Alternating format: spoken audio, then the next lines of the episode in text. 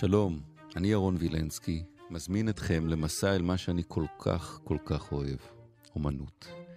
בכל פרק נהיה עם יצירת מופת, נלמד אותה, נחווה אותה מחדש. מתחילים.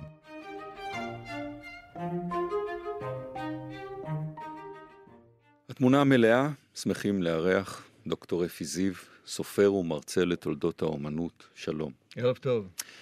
היצירה הראשונה שבחרת, לאוקון ובניו, פסל, כולם מוזמנים להיכנס למנוע חיפוש, לאוקון ובניו, ויחד להאזין לנו ולצפות ביצירה הזאת. שאלה ראשונה, מי יצר את הפסל הזה? יצרו את הפסל הזה שלושה אומנים מרודוס במאה השנייה לפני הספירה, והיצירה הזו נעלמה. כתבו עליה הרבה, אבל לא מצאו אותה. ב-1506 איזשהו איכר ברומא חרש את שדהו, ולהב המחרשה פתאום נתקע במשהו קשה. הוא התחיל לחפור, ראה שהוא מגיע לאיזושהי תוצאה מעניינת, קראו לכולם, כולל מיקלנג'לו הגדול, ואז חשפו מחדש את היצירה הזו, שכנראה הביאו אותה לרומא בזמנו של נירון קיסר, והיא נקברה באדמה. יחד עם ביתו. סיפור מטורף על הפתיחה. כן, נקברה מתחת לאדמה יחד עם ביתו של נירון קיסר. זה היה אזור ביצות והבית שקע, ורק בשנים האחרונות חשפו את הבית של נירון. אז אם אתה מתחיל מהסיפור הזה, אפשר היה להוכיח שזה באמת זה? כי אה, זו הייתה היצירה היחידה, לא עשו מזה העתק. היום יש הרבה העתקים, אחרי שהיא התגלתה, היא כל כך השפיעה על האומנות, ועל מיקלנג'לו בפרט. שהרבה מאוד אומנים עשו לה העתקים, ואתה יכול למצוא העתקים בכל מיני מקומות, כולל באופיצי בפירנצה, ברודוס, במקום שבו היצירה הזאת נוצרה, ויצירה מאוד מאוד משמעותית, ומשנה את פניה של האומנות בתקופה של יוון. ברור, אין ספק, זו היצירה המוקדמת ביותר שעד היום אנחנו עסקנו בה כאן בתמונה אה, המלאה. כן. אמ, מה יש בה? יש בה סיפור מרתק, נוגע ללב, מחמיר לב, וסיפור אכזרי ביותר.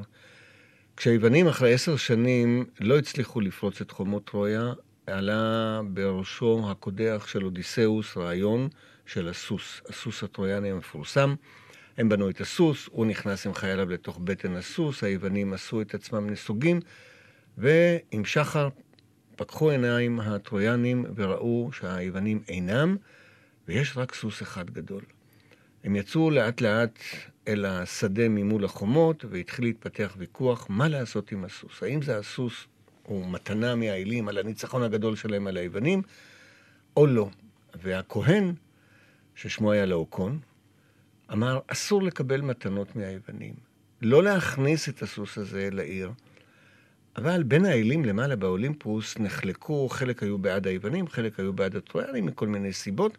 פוסדון, שהיה בעד היוונים ורצה אה, שהם אה, ינצחו, כן. שלח מן הים שני נחשים שהקישו למוות אותו ואת שני בניו. את לאוקון. את לאוקון ואת שני בניו. הוא כאן במרכז, זה לאוקון. במרכז, ושני בניו, אחד משמאל כבר מת, השני מסתכל בפחד אל אביו, ואביו מנסה בכל הכוח להיחלץ מהנחשים, ואנחנו רואים שהנחש עומד להקיש את מותניו.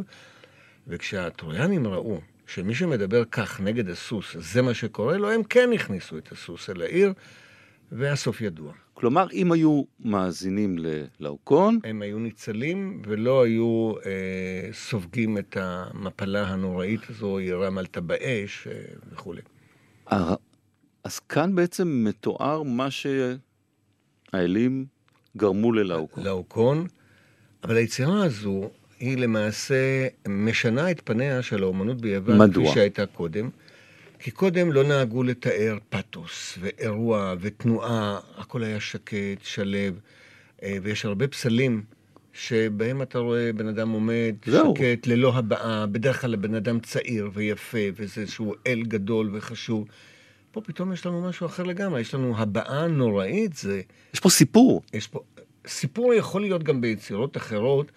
אבל הסיפור פה הוא דרמטי, הסיפור מתאר בן אדם פשוט, כהן, לא איזשהו אל, לא אפולו, לא זהוס או האלים החשובים. יש כאן בחור שמת, יש בחור שגוסס.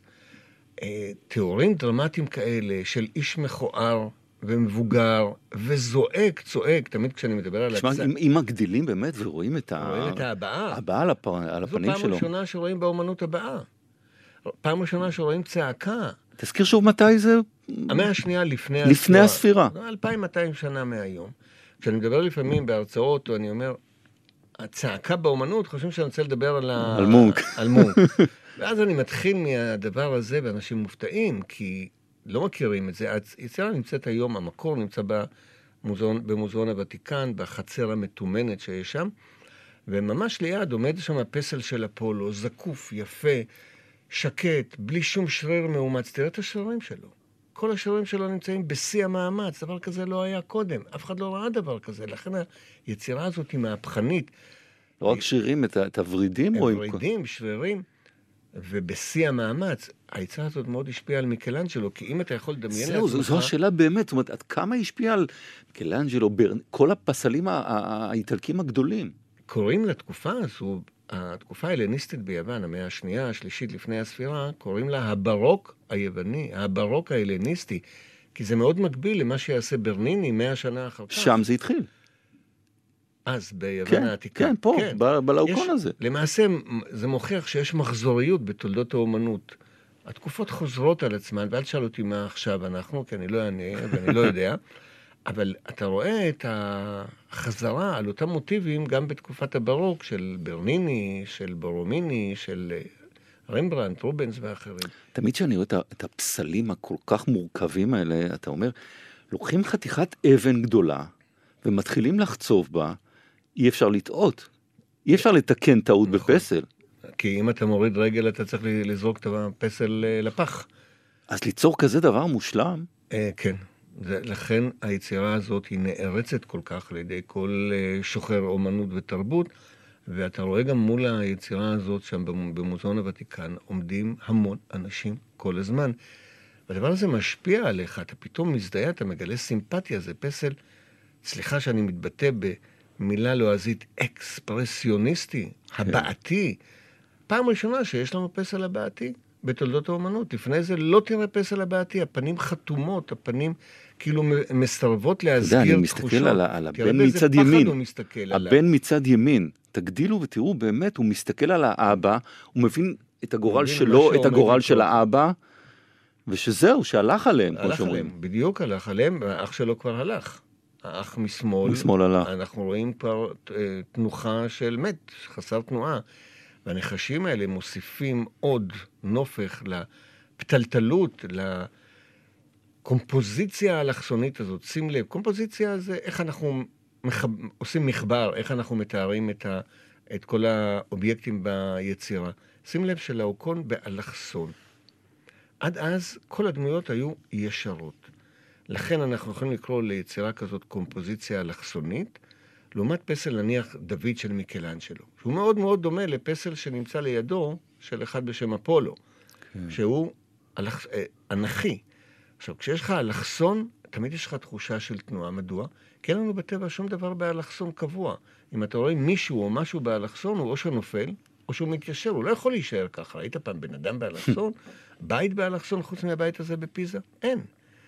ולכן התחושה היא שאנחנו עדים לתנועה, לפעולה שמתרחשת מול עינינו המשתאות בזה הרגע. עוד שאלה אחת, היא לא הכי חשובה, אבל היא מסקרנת אותי. אמרת שלושה אנשים יצרו את זה. כן. אז מה, אחד עושה את הבחור מימין, אחד משמאל, אחד... האמת- מה זה שלוש... לא יודעים בכלל מה? יודעים, אקסנדר ואחרים יודעים שהם עבדו על זה ביחד, וזה דבר די מקובל. אה, מי היה יותר, אני לא לא יודע, כן. אולי יודעים, אני לא יודע, אבל זה גם לא כל כך חשוב, תמיד מייחסים כן. את זה לשלושתם. אבל ה... כל הכותבים, כל אלה שהיה להם מה לומר וכתבו את זה במסמכים, גמרו את ההלל על היצירה הזאת בתקופה הקדומה, והיא נעלמה. אנחנו מדברים, ותוך כדי הדיבור אני עובר על כל נקודה שאני עובר בגוף שלו, כן. ובסוף אני מקבל ממש אדם חי. אדם חי. אדם חי ונמצא וזה אבן. במאמץ. וזה אבן שמטעה אותך לחשוב שאתה רואה גוף אמיתי, גוף נושם, גוף סובל. טוב, אז בפעם הבאה בוותיקן, לא רק הקפלה, לא לשכוח, לא לשכוח. לא לשכוח לגשת. אתה גם עובר דרך המקום הזה, you can't miss it, כמו שאומרים. כן. כי אתה עובר במסדרון הזה שמוביל אל החצר המתומנת הזו. The Cranberries, זומבי.